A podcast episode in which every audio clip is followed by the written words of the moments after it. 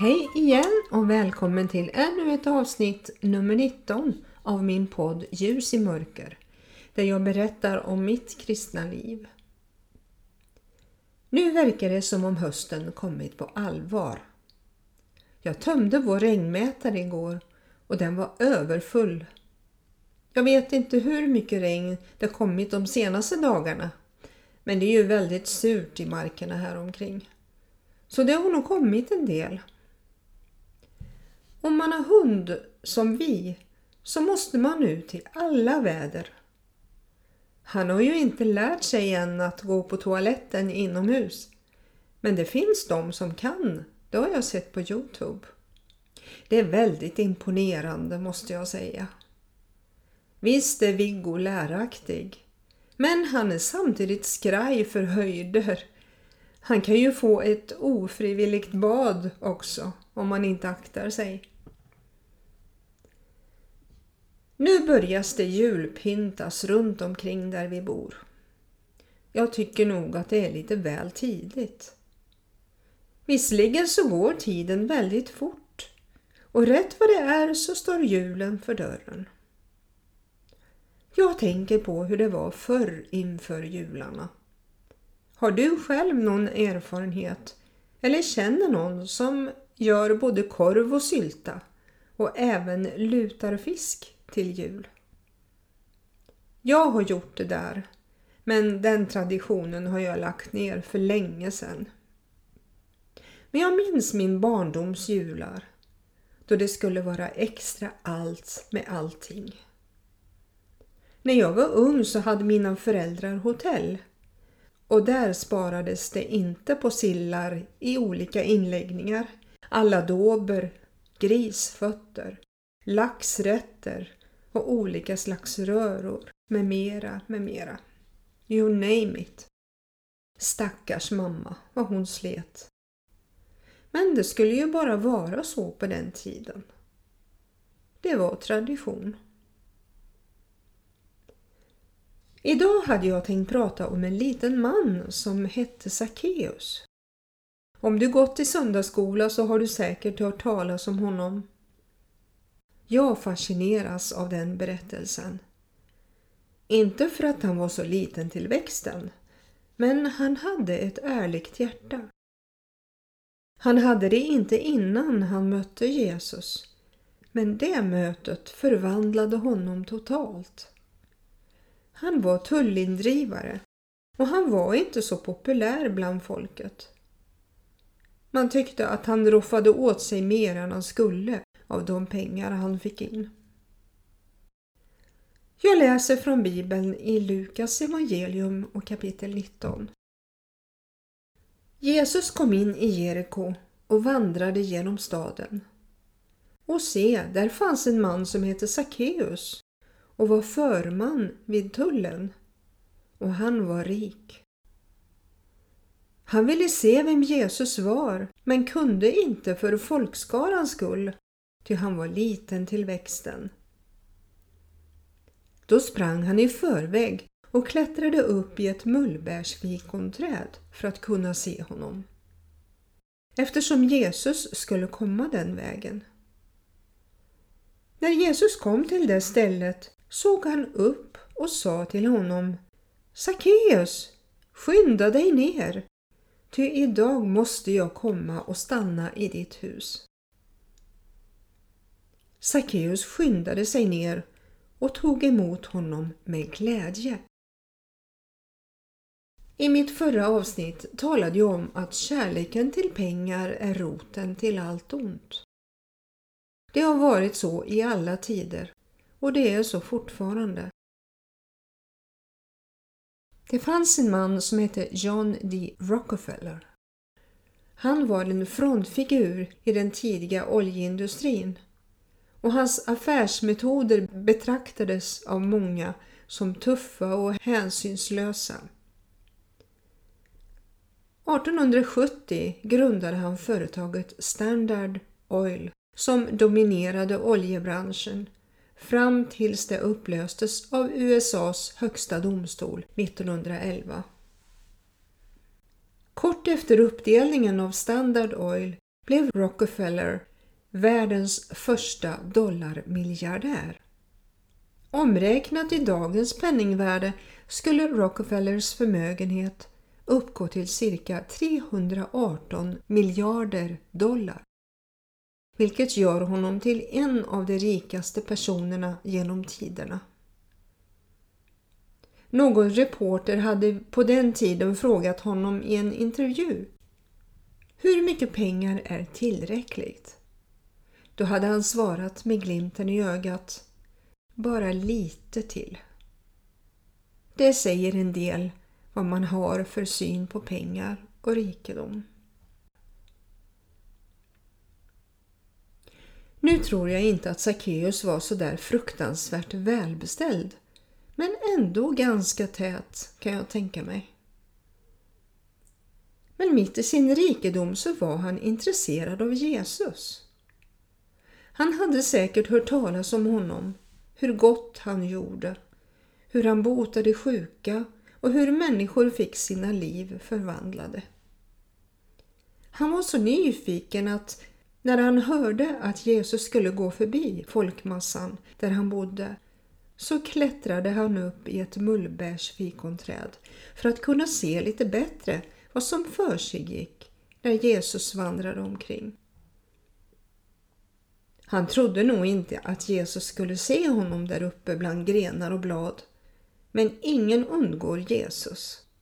Han är ju Guds son och vet vad som finns i människan. Han såg Sackeus och att han var mottaglig för att höra evangeliet. Och Jesus sa Skynda dig ned, för idag vill jag gästa i ditt hus. Jesus säger också till oss Skynda dig att ta emot frälsning. Du går annars miste om så mycket, ja, hela ditt liv. Och vad gjorde Sackeus? Tittade han bort och undrade om det var någon annan som hette Sackeus som han ropade på?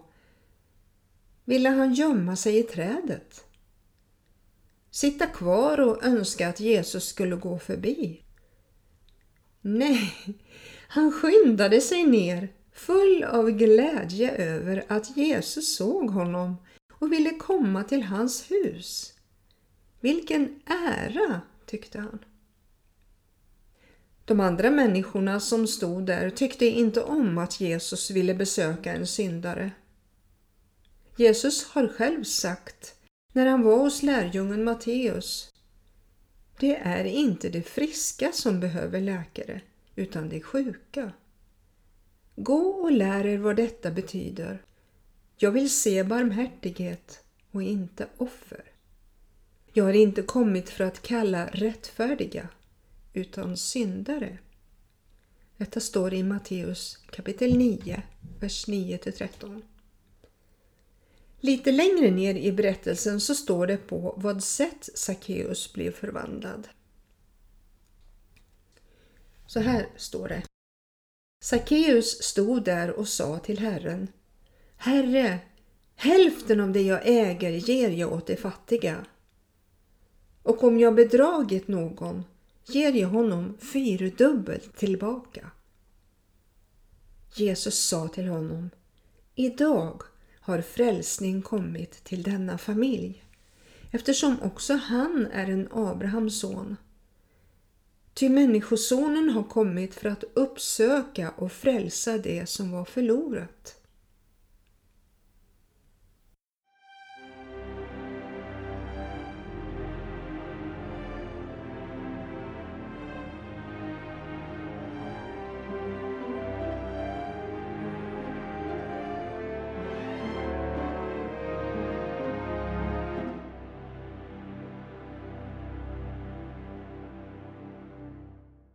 När Jesus får komma in i en människas hjärta så sker en förvandling där. Man blir en helt ny skapelse som det står i Andra Korinthierbrevet kapitel 5 och vers 17. Alltså, om någon är i Kristus är han en ny skapelse. Det gamla är förbi. Se, det nya har kommit.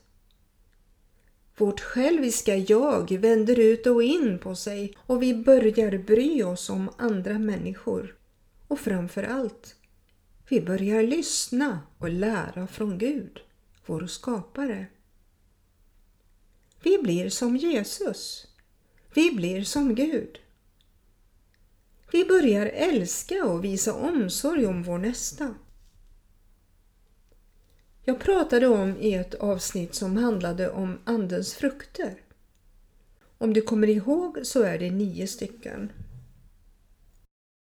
Kärlek, glädje, frid, tålamod, vänlighet, godhet, trohet, mildhet och självbehärskning.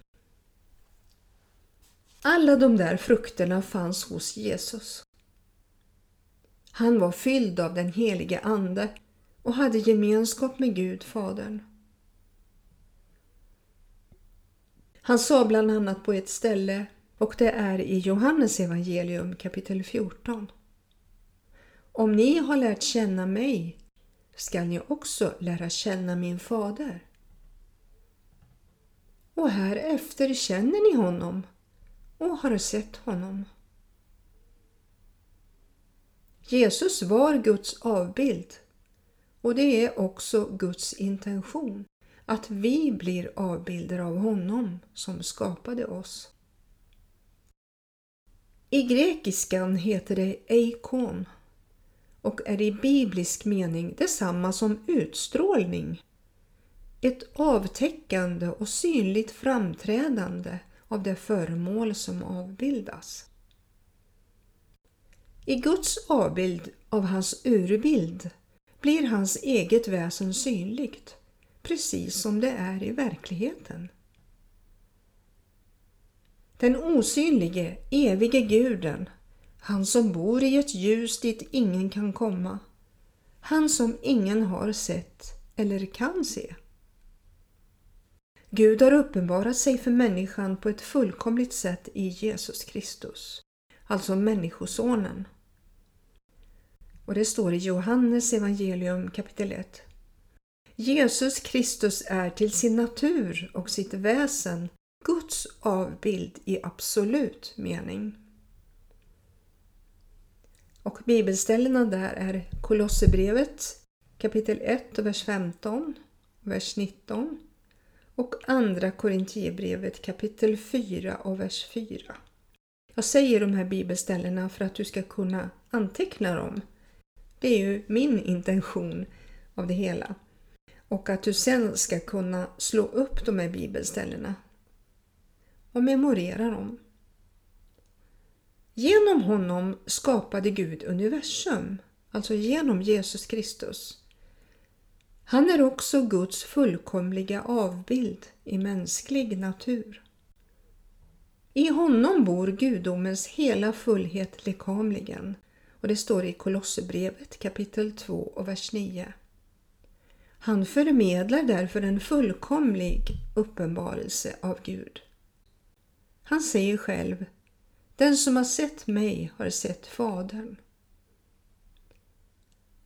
Eftersom Sonen är Guds avbild så skapades människan till den treenige Gudens avbild på sjätte dagen som kronan på hans verk. Och det står i Första Mosebok kapitel 1, verserna 26 till 27 och kapitel 5 i vers 1. Människan blev lik Gud på det sättet att hon blev en personlighet med självmedvetenhet, självbestämmande och frihet.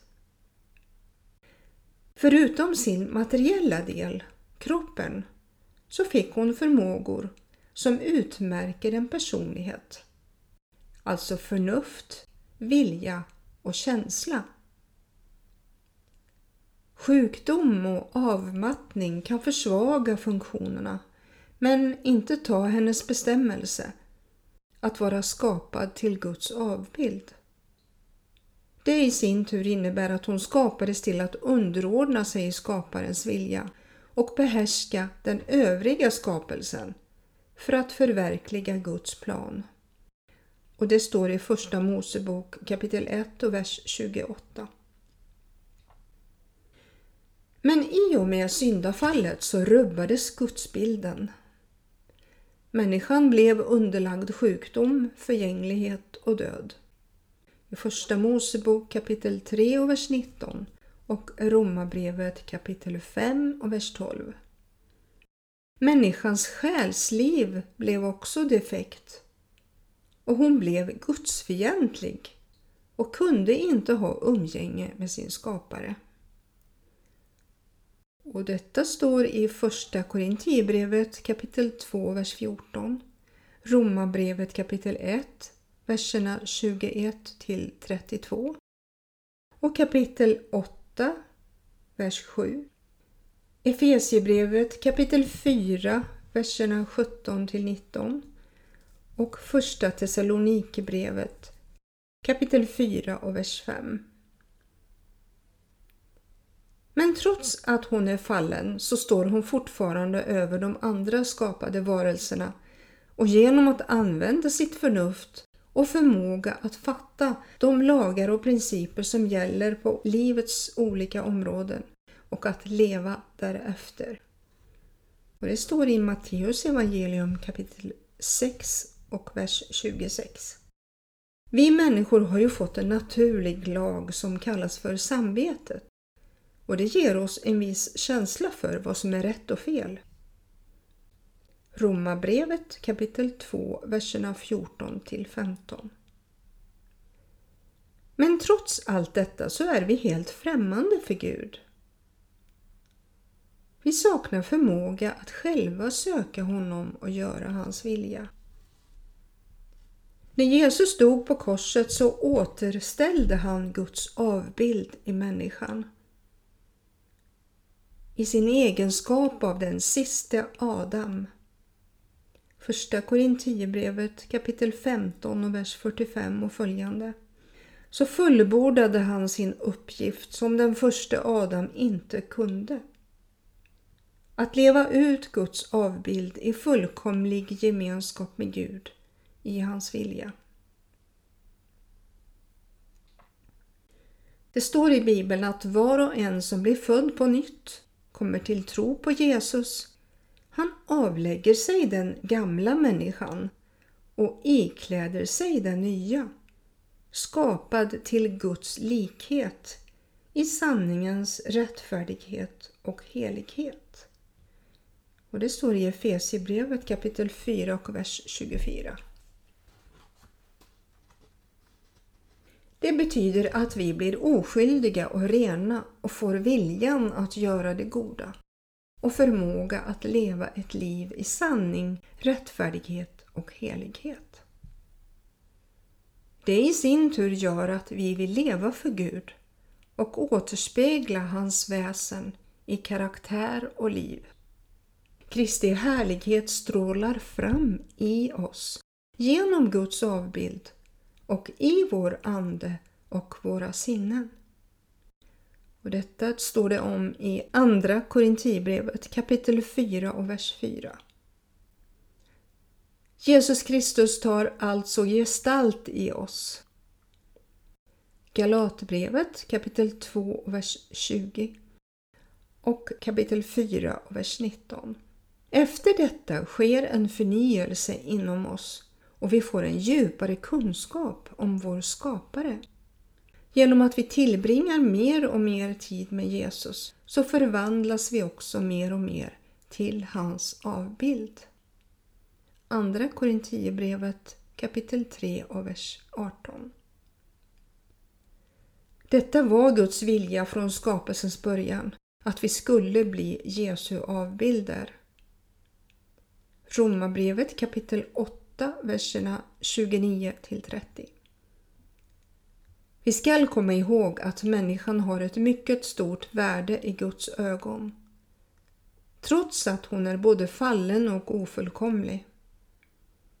Därför fullbordade Gud sitt verk med oss enligt hans plan att låta Jesus hängas upp på ett kors och ta vårt straff genom att dö där för att sedan uppstå igen. När vi tagit emot frälsningen och blivit hans avbild, precis som Jesus, så blir Guds plan fulländad. Att på något sätt skada människan, vare sig det handlar om att beröva henne livet, nedvärdera henne, förbanna henne eller på annat sätt förgripa sig på henne, är i Guds ögon en mycket stor synd och straffas strängt. Och det står i Andra Mosebok kapitel 20 och vers 12 och följande. Att Kristus blev människa och hans behandling av den enskilda människan under sitt jordeliv och hans blodiga död för allt vad människa heter. Det uppenbarar helt fullt gudomens inställning till människovärdet. Vi kan förstå utifrån Bibeln att Gud inte är en naturkraft som sol, vind, åska och så vidare. Han är inte någon sorts andlig kraft som bor i världen eller i människan.